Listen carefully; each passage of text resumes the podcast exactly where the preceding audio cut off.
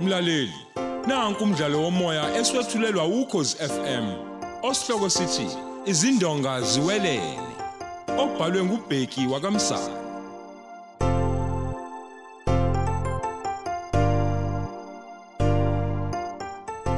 Lesi esesihlalo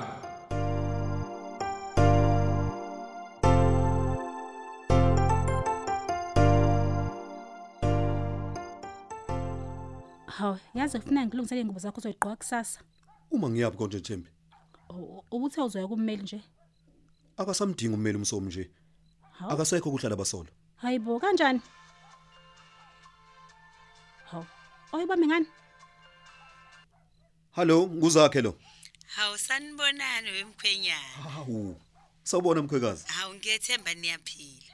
cha siphile kahle kakhulu mkhwekazi Hayibo ungadino wemkhwenyana. Bengicela ukubona kusasa ekseni mntanami. Awu. Mayelana nokuya kokuba umkhongi omkhulu kaSicelo. Manje kufuneka sibonane.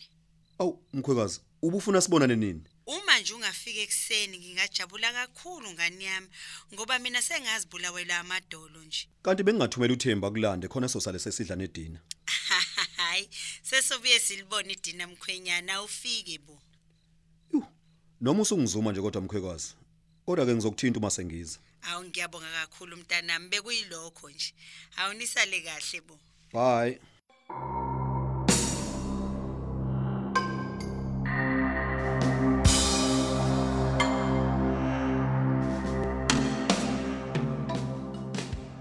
Hawu.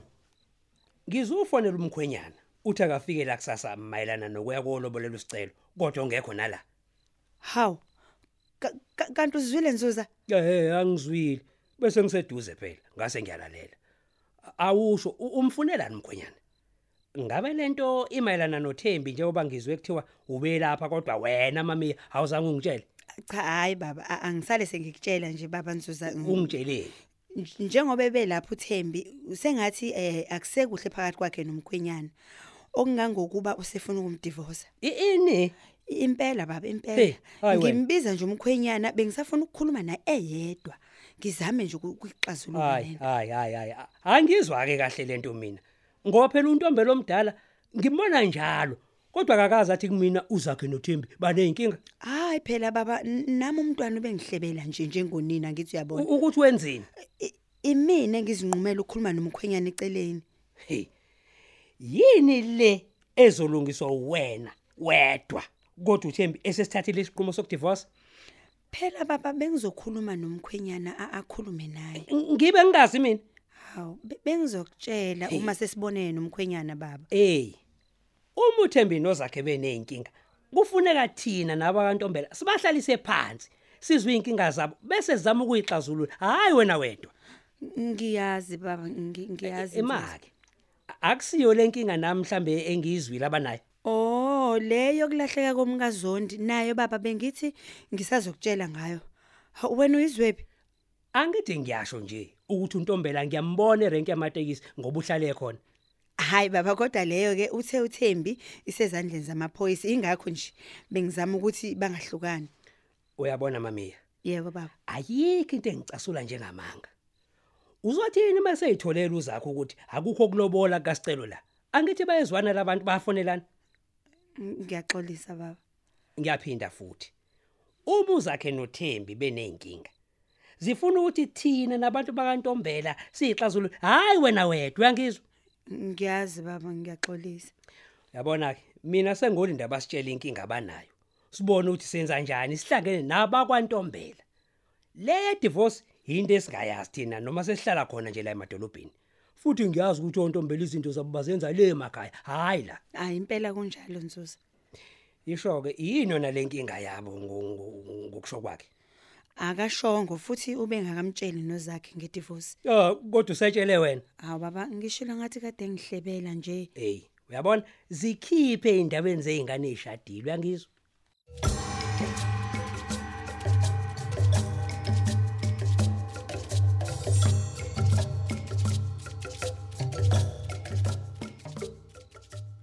hawu yazi bengiqedela ukupheka nje ngesikhathi ukhuluma nomama yini ubethini hawu uselapho wena Thembi mina ngifuna ukulala manje sithanda sami sondela awu eyi futhi wena yazi uyangixaka nje kulezi iy'nsuku ngiyitshele kuqala ukuthi uma ubethini hawu ufuna ngifike lapha ekhaya kusasa ekuseni sizokhuluma indaba yokulobola kukaSicelo hayi bo ehe Hey, empeleni ufuna kube yimini umkhongo omkhulu hayi bo, useyalobona isicelo hey he hayi bo usho njalo umkhwekazi ngiyabonga Thembi nokuthi akhethe mina uyazi ungathi uyazi ukuthi vele nginesikhathi sonke kulezi insuku hawu manje uzovuka nje ekuseni kakhulu nje impela hayi sithandwa sami phela akasho ukuthi ngibavuse besalele ngizobona nje uma sengidla isidlo sasekuseni ukuthi ngenze njani mhlambe nawe uzobe usubuyile nje emsebenzini yazi kusasa mina ngifake incwadi yokusula emsebenzini ini ehe Hawu, kodwa Thembi. impela ngizombheka kanjani sisho omkhulu nje umkakhe lahlekelele la ekhaya hayi umbhedo ke lo Thembi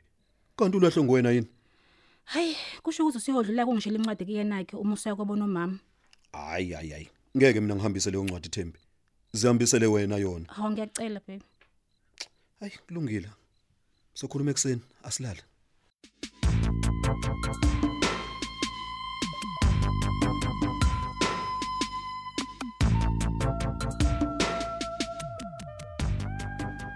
awu kodwa mlingani wabukeka sengathi awukhululekile nje hey ngilale ngikhathaze yakhulu awu yini manje kodwa u- ungangifihlela kanjani into ebaluleke kanje awu kodwa nisuzukhuluma ngani izolo ya ufika uThembi watshela umngamo ukuthi useyamdivorce zakhe ngoba kuneyinkinga abanazo Oh, oh, umngami ke ubesefonela uzakhe efuna ukumbona namhlanje ukuze akhulume naye eyi eyi eyi U- uyazi le nto isho iyangethusa ngoba phela angaze ngilale mina engambonanga uzakhe ngokwazi kwami akukho nje into ene-divorce phakathi kwabo hawu U- usho ukuthi ayikho inkinga abanayo ngaphandle nje kwaleyo yaziyo yokuthi-ke um kodwa phela akusiyona inkinga ngoba phela mdala lo muntu olahlekile yabo hayi pho uThembi ufunda ukumdivorcelana zakhe hhayi nsuza ayikho leyo nto ngaphandle kumuthembi kuyena ulungisela ukudivosa uzakhe kodwa nje angamtsheli lutho manje senze njani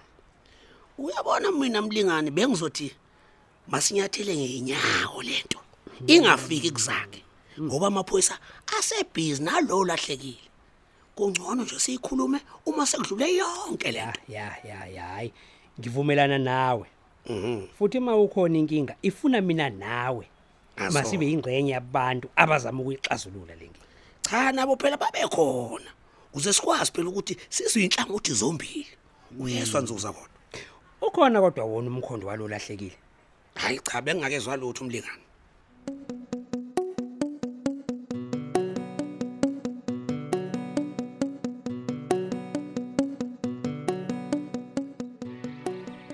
uyazi Thembi sengiphoxeke kabi ngifonela usicelo ngimhalaliseka ngokuya kolobola kwakhe wavele wamangala nje ukuthi ngikhuluma ngani hawu uthini sakayi kolobola cha futhi lokho kusho ukuthi ikhona enye into angifunele yona uma wakho hayi ke kuzofanele uyekena ufike umtshele ukuthi ak- bekufanele atshele iqiniso phela hayi ubani yena angisalibeki mina lapho hawu ngithi nawe uyasho nje ukuthi eh, khona enye into ekufunela yona Thembi bengishilo mina ukuthi ngifuna ukuphumula uma umama wakho khona enye into ayifunayo noma imali akasho ngizonika wena umhambisele hayi uyazi kodwa uzophoxe kuma njengoba nami sengiphoxekile nje ukuthi akangitshela iqiniso Sanibonani. sawubona Eh ngizwa kuthiwa wena Thembi noNeli umkamsomi anizwani kanti futhi nobabili nizola noKenneth Zondi. Nokuthiwa ke isona isizathu ukuthi wena Thembi ushaya ingane kaMsomo ucabanga ukuthi izalo umkakhe. hayi ke bengithi uphela ngokulahleka kakhe nelizonde mina angazi ukuthi yonke into esiyikhuluma manje seyengelwa nje neqiniso singenaphi angizwani ke mina nento seliphaphawe ngizwa awu kahle Thembi hayi futhi ngisahamba mina ngilungela ukuhamba angizokwazi ukukhuluma nawe nginga- ngisabona umfowethu lapha emgaqweni Oh, uh usho intombela? ha uyamazini Akekho ngamazi. Ah ngithi phela ngintatheli. asale sesiphumisana ke yanele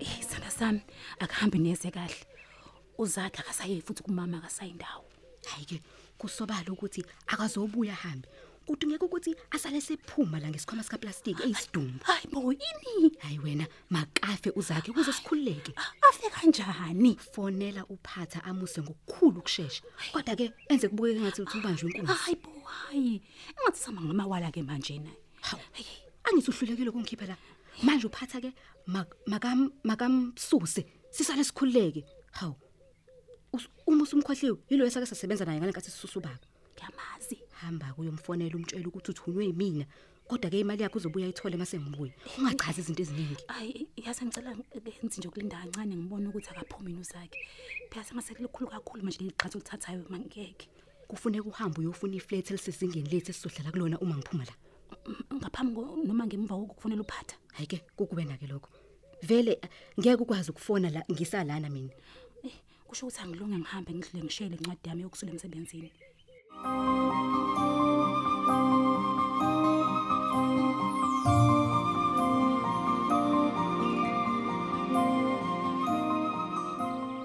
hey awusho bafu ifuna le ntombazane kaDumnayo Intatheli. bo. ngiyayazi Hayibo, naye yakwazi. manje ifunani lana I- Ithi iphenya ngokulahleka kukaKenneth Zondi. awu hey yazi ngiye ngayibona imoto yayo ihambe ima ikhuluma nabantu Hayibo.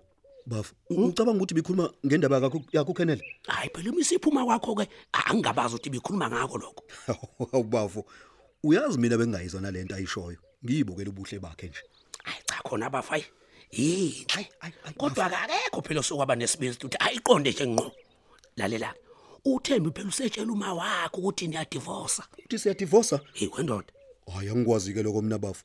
Uzwe ngoba uzwe ngobani wena? ngizwe ngonzuzu ubaba wakhe ngithe nje a- angizokutshela bafu Hayibo bafu. Kungabe yiyo lento uma wakhe abengifunele yona.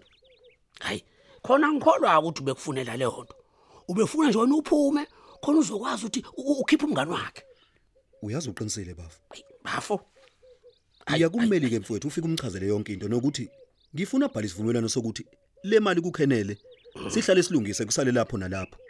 bese ke uphoqe kuthembi ukuthi asayini ukuthi wena usuthatha unkosikazi wesibili Nalokho njalo kudinga isivumelwano bafu. hey uma yena ekhetha ukudivorce makasayine ke phela ukuthi uzophuma la ephacaza ngezandla ngoba nguyena ubhacisa isithando sakhe ebesifunwa amaphoyisa endlini yakho uma bezama ukushishiliza hey unawo umfanekiso wayo yonke lento ebiyenzeka la mhla ufika Okusho ukuthi bafu kufanele umfanekiso wecamera siwunika ummeli. ngidinga yonke into ihlala ilungile bafo mina nje into engiyibona la kusho ukuthi uThembi ubevele sehlela ukudivorce Hey bafu. uyabona bafo ungayi kwakhe ezambe mina ngibona sengathi konke lokube uhlelo lwabo nje Hayi bafu usho kanje. ukhenela zona beseqamba amanga wathi u- u- uyasebenza kuzondi okungenzeka futhi nokuthi phakathi neinsuku ngesikhathi e- elale kwakho wayeqamba amanga bafo vuke emaqandeni mani Hayi bafu. Ufuna ukuthi naye ubesazomdivorce uzondi? mina ngicabanga kanjalo bafo Hayi bafu. Ukuze bashade? ngicabanga kanjalo ngiyasho nje Hayi bafu. Ebese menze njani uma msomo? hey yazi uthini mina ngokubona kwami sengathi akathandwa njengomkhakha umkamsomi futhi ngike ngathi Hayi, bafo. kuthiwa amathenda okwakha atholwa ngukhenela zondi lo asuke esenothembi Uthini manje bafu? Hmm, ngiyakutshela nje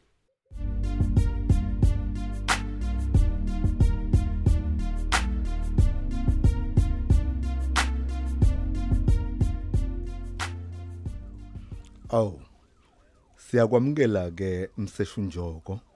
Ngiyethemba ukuthi uzoshesha ujwayele. Ake ngibuze ulithandile kodwa ihotela esikufake kulona. hayi ave ngilithandile ukujwayela ke futhi ngeke uzikube inkinga ngoba sekusekhaya la Kuhle ke lokho. Njengomuntu oze ngetransfer sizokukhokhela inyanga ezintathu emva kwalokho ke sekuyofanele nawe uyibonele. hayi captain lokho bese bengitshelile vele kodwa phela nami ngizozama ukuthi ngisele sengithenga indlu ngapha Ngiyethemba usuyizwile indaba yokulahleka kaKenneth Zondi noma ungamazi. hayi yona captain hayi ngizwe yonke indaba ngizwile yonke Ngicela usale usulithatha ke lolu daba. Ehhe. Eh kodwa nami ngizolongiseduze kwakho ngikucathulisa. hayi ayikho inkinga captain wami Lalela ke umseshunjoko. yebo captain Njengamanje asinayo umuntu esimsolayo ukuthi nguyena ogile uKenneth Zulu. mana ke Animsoli mhlambe umkhwenyana noma ihlobo zakhe. siqale sathi ukuhlwathiza nje kancane Eh.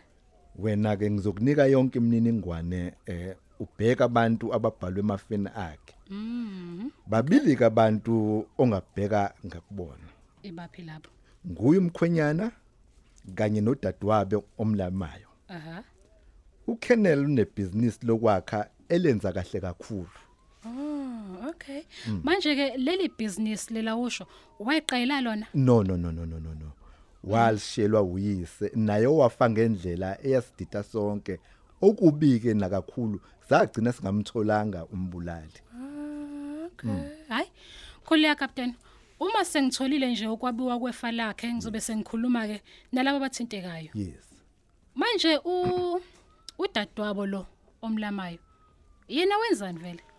Eh udadwabo lo usebenza kahle in one of the state's departments. Eh, Okay.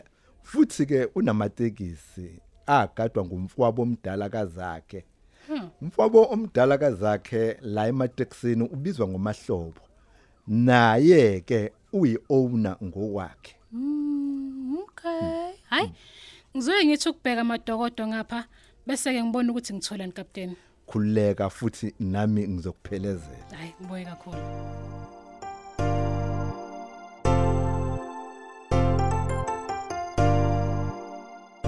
Siubeka lapho umdlalo wethu womoya eswetshulelwa ukhozi FM. Osihloko sithi izindonga ziwelele.